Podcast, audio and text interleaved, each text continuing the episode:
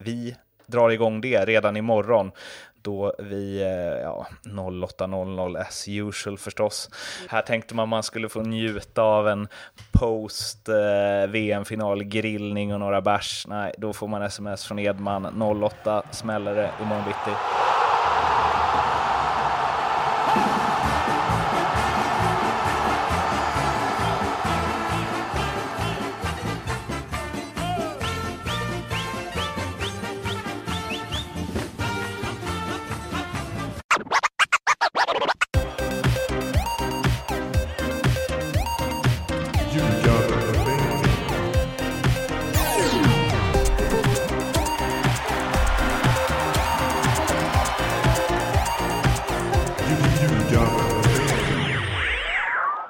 Ljugarbänkens VM-podd är här en sista gång. Vi har kört ja, nästan till varenda dag under hela VM och för bara några minuter sedan så korades världsmästarna Frankrike efter att ha vunnit en sprudlande, får man väl ändå säga, VM, med VM-finalmått mätt eh, match med 4-2 och eh, Ja, sista ljugarbänken VM-specialavsnittet eh, och då är jag ju inte sämre än att jag ställer den, den sportjournalistigaste frågan av alla sportjournalistiga frågor.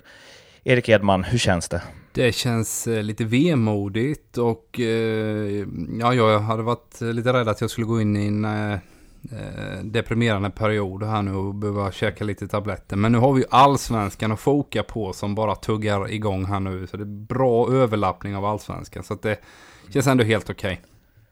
De har liksom gått in i varandra. Sen så får väl du och jag stötta varandra framöver här när vi återigen kommer behöva dragandes på Mattias Lindström resten av säsongen. det har varit skönt med variation. Eh, absolut, en månad utan den där galningen här gör bara gott för själen. Men det kanske är det som gör att vi kommer orka hösten. det är som så här, spelare som inte spelar VM kommer vara pigga igen när säsongen drar igång i augusti. Eh, och någonstans så känns det också, eh, ja, vi kanske sitter här om fyra år igen, tredje advent och eh, dricker glögg och käkar pepparkakor och summerar VM-finalen. Det här känns ju lite som, eh, ja det är det sista riktiga VM eh, as we know it på ett tag. Ja, och det känns ju som det är fler förändringar på gång också. Det snackas ju om 48 lag till nästa gång vi ska lira VM, eller de som ska lira VM ska spela. Eh, så att där handlar det om att vattna ur och mjölka ur så mycket det bara går och få in så mycket deg som möjligt. Invantino han vill sitta kvar nästa valperiod också läste jag någonstans. Och då gäller det att smickra och få med de mindre länderna så han får rösterna. Ja, så eh, vi ska verkligen suga ut sista av det här VMet eh, som kanske är det sista VMet på det här sättet. Så nu tänkte vi, ja vi har väl en kvart framför oss då vi ska summera lite. Sveriges äventyr har vi redan gått igenom mot alla möjliga håll och kanter. Ja, vi kan lite snabbt eh, stöka av eh, bronsmatchen där som inte blev så målrik som bronsmatcher brukar bli. Belgien vann över England med 2-0. Ett England som det kändes som de vilar lite spelare, vilket är ju eh, väldigt märkligt. Jag vet inte vad de benen ska vara pigga för riktigt. Eh, men Belgien vann ju fullt rättvist 2-0. Eden Hazard fick väl på något sätt Eh, ja, men han är väl inte kungen av det här VMet, men han är väl ändå prinsen, får man väl säga. Eh, vad tyckte du om, eh, om bronsmatchen? Nej, men jag håller med dig där. Det var en, en match där det bästa laget vann. Vi hade ju lite frågetecken kring motivationen på främst då Belgien, men det syntes att de var ändå sugna på det där. Och, eh, som du säger också, man går ut, båda lagen går ut eh, avslappnade och lirar av det. Och någonstans så, så visade Belgien att de är bättre fotbollsspelare än England, som är otroligt starka på fasta situationer. Men mycket mer är det ju, om man ska vara helt ärlig, inte eh, från Englands sida. Så de har ju gjort ett eh, bra VM, framgångsrika, men det har varit eh, mycket tack vare den här, eh, de här fasta situationerna som har präglat hela Maguire. VM. Harry Maguire. Fan vad du kommer, du kommer få höra det där. Men jag kände ju ändå att min analys var ju klockren, men när du klipper bort ja, det, det där det i teasern, nej jag vet det Mårten. Vad är det man säger? Det, det, står inte i... Det står inte hur analysen egentligen var i historieböckerna. Nej. Eh, det, eller det är väl något dammigt arkiv någonstans. På Facebook. på Facebook. Exakt. Det känns som att det, du kommer lägga en slant och försöka boosta den posten så här i efterhand för att få upprättelse upprättelse. Ja, eh, till finalen då. Vi tänkte ju, eh, eller du sa ju 3-0 faktiskt. Jag tänkte ju det här går till straffar och så kommer bli jämnt. Eh, men Frankrike, ja de har ju växt och växt genom hela turneringen. Jag måste säga, jag är ändå imponerad över hur pass bra Kroatien stod upp och ändå gjorde match och det kändes som att fasen, finns det inte lite här, i alla fall vid 2-1 kände man att de hade tryck liksom. Um, men eh, det räckte inte hela vägen fram utan uh, Deschamps mannar får ta med bucklan hem till Paris eh, och ja, det är väl svårt att säga något annat än att det är rättvist ändå. Nej, det är klart att summerar hela turneringen. Sen tycker jag ju i första halvlek, så för mig är ju Kroatien det bästa laget, de som vill spela. Och nu är jag väl som Mattias brukar säga fotbollsromantiker, så jag vill ju att de som vågar ta lite risker och vågar bygga bakifrån och så spela eh, sig igenom, mm, ja, ska premiera sådär, tycker då Frisparken är ju tveksam när man ser eh, 700 repriser när han lägger sig för tidigt och sen Eh, är det ett självmål och sen har du den här VAR-situationen då igen. Är det straff, är det inte straff? Eh, efter återigen då en 15 repriser så ändrar jag mig. Så jag nog tycker att det är straff ändå. Så att, eh, ja. 2-1 där okay. i, i pausen är ju Frankrike kan ligga och vila på det där. Eller vila, men ligga rätt. Och sen har de ju då en skaplig winger där ute som är ganska snabb och kan rycka igenom med, med den där speeden ett otroligt, nu är som jag har påpekat många gånger, ingen liksom taktiskt geni, men till och med jag ser vilket otroligt försvarsspel Frankrike har. Ja, nej, de, de är ju otroligt starka. Det påminner ju lite granna eh, hur, hur Sverige spelar där. Ehm, det blev nästan ytterbackarna blev, framförallt Hernandez på vänstersidan, blev ganska centrerad. Så att eh, eh, Matuidi fick ju nästan kliva ut där när, när, när Vesalco kom flera gånger. Och, ja, de löste det bra, de är ju starka där inne och gör det jättefint och bra. Sen har de då omställningsspelet. Eh, som kanske inte vi i Sverige hade med den här snabbheten. Och det ser man hur värdefullt det är när du har den spetsegenskapen att kunna bara springa ifrån dina med motspelare, hur, hur, farligt det blir. Ja, det blir ganska tydligt där. Vi har Viktor Claesson, de har Kylian Mbappé. Ja, no offense Viktor Claesson som är grym också, men det är klart att den snabbheten plus att han har faktiskt fin bollkontroll också. Du har ju Raheem Sterling i England som står för samma saker som, som Mbappé. Men han får ju fan aldrig med sig bollen och kladdar och grejer liksom. Så att, eh, ja, det är ju en, en världsspelare redan nu och det är klart att 19 bast, vad fan alltså. Han har ju knappt gått ut gymnasiet, ingenting alltså. Det, ska, jag bara känner, jag bara sa det här med, hur fan toppar man det här nu liksom? 19 år, ja. mål i VM-finalen, VM-guld. Och jaha, vad fan, vad gör jag nu då liksom? Ja, ja det är ju det är där de bra coacherna kommer in, håller andan uppe. Nej, men eh, Loris tabbade, gav väl Kroatien lite luft, de hade behövt ett mål till där. Måste ändå stanna till på VAR-situationen, det är ju för jävla tråkigt att man sitter här efter en VM-final och pratar om det där. Och det var ju det som skulle göra, alltså VAR skulle göra att det inte fanns några tveksamheter kring det här. Men VAR gör ju varken till eller från, för jag följer Twitter och hälften är galna över att det blev straff och förstår inte och resten tycker att det är solklar straff. Och jag måste säga att jag är inte på din sida där. Jag tycker att det återigen är en bo vad ska han göra av den där handen? Att om det där är straff, då är alla situationer i straffområdet där bollen tar på handen straff. Eh, för att, eh, ja, otroligt svårt att han ser att det där är med meningen liksom. Och det är ju ingen onaturlig position han har handen i. Och då tycker jag att man kanske ska gå på det domaren känner först. Och det är väl det som är sagt, att om det inte är liksom 100% något annat, så ska man låta domaren döma utan att han ska kolla på video.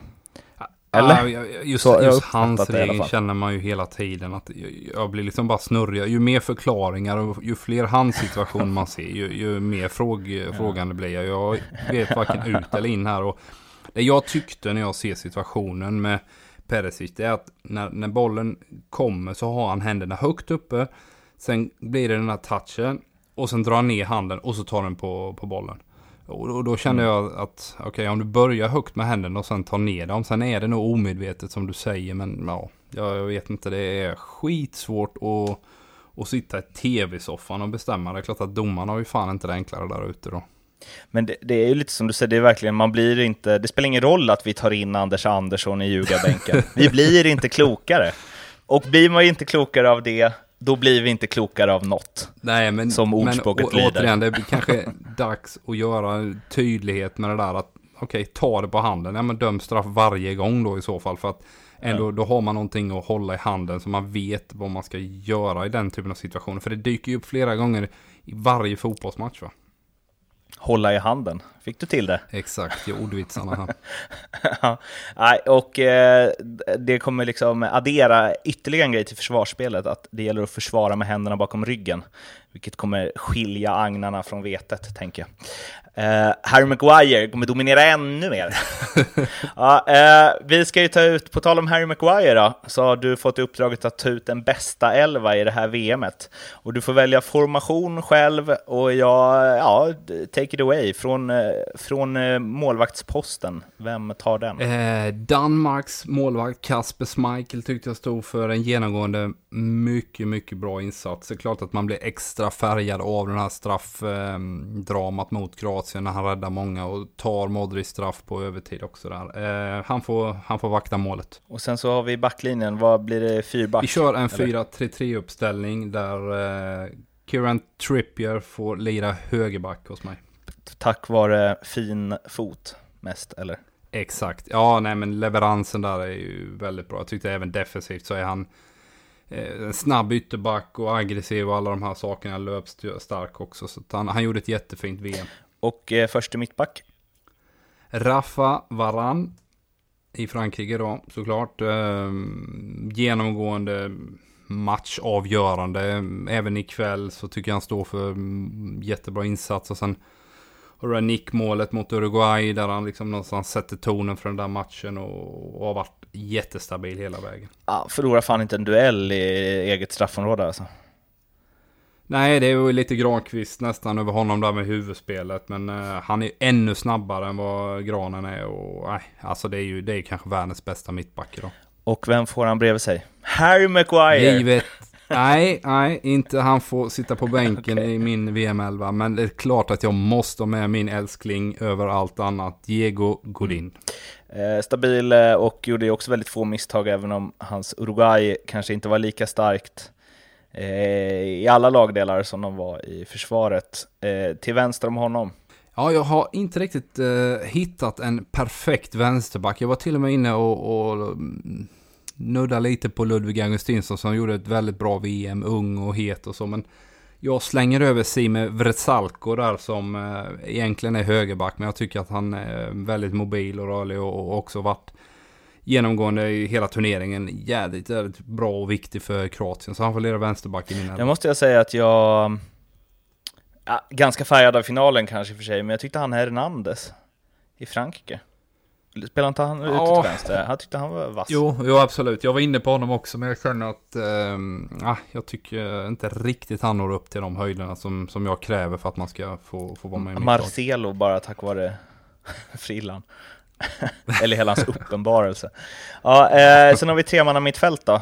Tre centrala då, antar jag. Ja, eh, defensiva ankaret är ganska givet. N'Golo Kanté, eh, rakt igenom hela turneringen. Klockren, vunnit mest boll.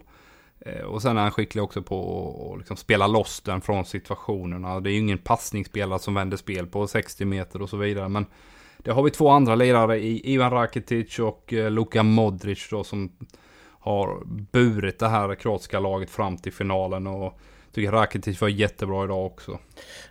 Uh, ja, det är väl, Modric vann väl bästa spelare i VM tror jag. Uh, såg det ut som på prisutdelningen utan ljud som jag hade bredvid mig nu. Uh, det är en offensiv trio också med två vingar och en center eller? Exakt, och då ute till höger så är det Kylian Mbappé som ja, genombrott. Jag vet inte, spelar man i Paris eh, och går långt i Champions så, så, vet man ju vem det är innan. Men han har varit eh, väldigt, väldigt eh, instrumentalt viktig för det här franska laget. Där man inte alltid står för sprudlande offensiv fotboll. Men man är ju livsfarliga på kontringar. Och det såg vi mot Argentina hur, hur farlig han är i den typen av omställning. Och även idag 3-1 målet då. Eh, när han till slut sen serverar Paul Pogba. Eh, I mitten Antoine Griezmann och sen har vi Eden Hazard ute till eh, vänster. Det är ett starkt lag. Det är ett mycket, mycket bra lag det här tycker jag faktiskt. Jag är riktigt, riktigt nöjd med den här elvan. Det hade till och med Lindström eh, kunnat eh, värpa fram lite skön fotboll. ja, det tror jag till och med han. Det, det hade varit mycket tidiga inlägg från eh, Trippier ja. Långa utkast från Smarkel. Eh, bästa spelare i hela VM då, om du får dela ut Edman-bollen? Edman-bollen går till Luka Modric. Jag tycker, eh, ah fan vilken spelare han är. Att han kunde, liksom allting, liksom löpstyrka. Det är den spelaren som har sprungit mest av alla. Eh, kan pulsera spel, hålla i den, komma ur situationen själv. Mm, favoritordet pressresistent, bara drivas ur situationen trots att han inte är blixtsnabb men väldigt kvick eller vad man nu ska uttrycka det. Nej, rakt igenom grymt. Jag känner det här fängelsestraffet som ligger på, på hans axlar nu efter den här eh, situationen med Kroatia Zagrebs ordförande. Frågan är om inte man lyckas eh, stryka det från brotts, brottsbalken i Kroatien. Där kan jag tänka mig efter den här VM-insatsen. Brotts, brottsbalkan ser inte alltid ut som brottsbalken. Eh, Nej, jag fick väl inte till det riktigt. Eh, så eh, det finns väl en del som talar för det. Och eh, det största genombrottet? Jag, jag kan inte hitta någon sån här okänd spelare. Vi hade ju det med våra gäster eh, innan där när man kanske inte har den här superstar som, som får det här genombrottet som du tjatar om James Rodriguez. Men jag tycker ändå Ivan Rakitic. Eh, det är klart att man blir färgad av de lagen som går långt i en turnering. Men fan vad han har imponerat på mig med liknande kvalitet som, som Modric. Där de växeldrar, ibland går han ner, ibland är det Luka Modric som går ner. Och, eh, ja, just att, att man, man förstår varandras roller i, i olika faser och olika lägen av matchen. Så att, eh, nej, han har imponerat stort. Det är lite så, även om han har, har spelat, någon, har även annan? om han har spelat i Barcelona och så, och Ja men vunnit Champions League och hela faderullan så var det väl nu som han verkligen, alltså nu är han ju uppe, efter det här VMet är han ju uppe på topp 5 i världen liksom, och nosar. Ja, det är ju det är klart att man blir ju anonym när liksom Messi själv eh, väldigt mycket stjärnglans och, och andra spelare också, det där Barca-gänget så. Uh, och såklart även i Kroatien, när Modric är en superstar och även Mandzukic har, har en, en status som är på en, ja, nästintill världsklassnivå då inför det här VMet. Eh, och han har väl lite granna eh, varit i skuggan av det. Men jag tycker verkligen nu under det här VMet att han har liksom visat vilket jävla register han har. Det var nästan allt för eh, Ljugarbänkens VM-podd. Vi har följt en svensk framgång. Det har varit Granen som rullat in straffar på löpande band. Det har varit Robin Olsen som ryktas till Barcelona. Det har varit Viktor Claesson genombrott. Det har varit Toivonen mål mot Tyskland. Det har varit ett England som eh, fick många att drömma om att den skulle komma hem. Det har varit ett Kroatien som eh, har straffat sig hela vägen till en final. Det har varit ett ständigt ifrågasatt Frankrike som växt och växt, slutade med VM-guld. Det har varit många härliga matcher, många fotbollsfester, eh, många poddar gäster, Micke Nilsson, Petter Hansson, Micke Svensson, Per Zetterberg. Det har varit massa, massa, massa, massa fotbollssnack här i princip eh, varje dag. Eh, men nu är det slut på det och så får vi väl se om vi hörs eh, ja, om fyra år. men, men fram till dess så eh, vet ni ju att Ljugarbänken är ju trots allt i grund och botten, hjärta och själ, en allsvensk eh, fotbollspodcast och vi drar igång det redan imorgon då vi, eh, ja, 08.00 as usual förstås. Här tänkte man man skulle få njuta av en post eh, VM-final grillning och några bärs. Nej, då får man sms från Edman 08 smäller det imorgon bitti. Så en trött Mårten och herrarna Edman och Lindström möter er då, men vi ska stänga det här eh, VM-poddandet med att för er som bara vill ha lite, lite spänning om fyra år Eh, ska Edman få berätta vem, vilka två lag som möter varandra i VM-finalen i Qatar 2022. Det gör eh, ett Frankrike som titelförsvarare med en ung, ja nu är de unga, om fyra år är de ännu bättre med ännu mer erfarenhet mot ett nytt Tyskland som eh, kravlar sig tillbaka här och bytt ut hela elvan i stort sett. Ehm, så att de möts i VM-final 2022, Mårten. Härligt, då vet man det. Då kan man liksom softa fram till 18 december 2022 och bara ha fullt fokus på allsvenskan. Eh, ja, tack så mycket Erik för allt VM-poddande. Det var kul.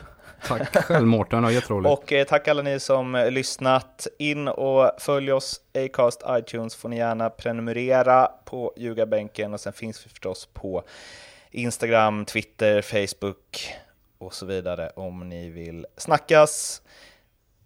För er som gillar Allsvenskan, vilket jag hoppas är er alla, så hörs vi igen i morgon måndag.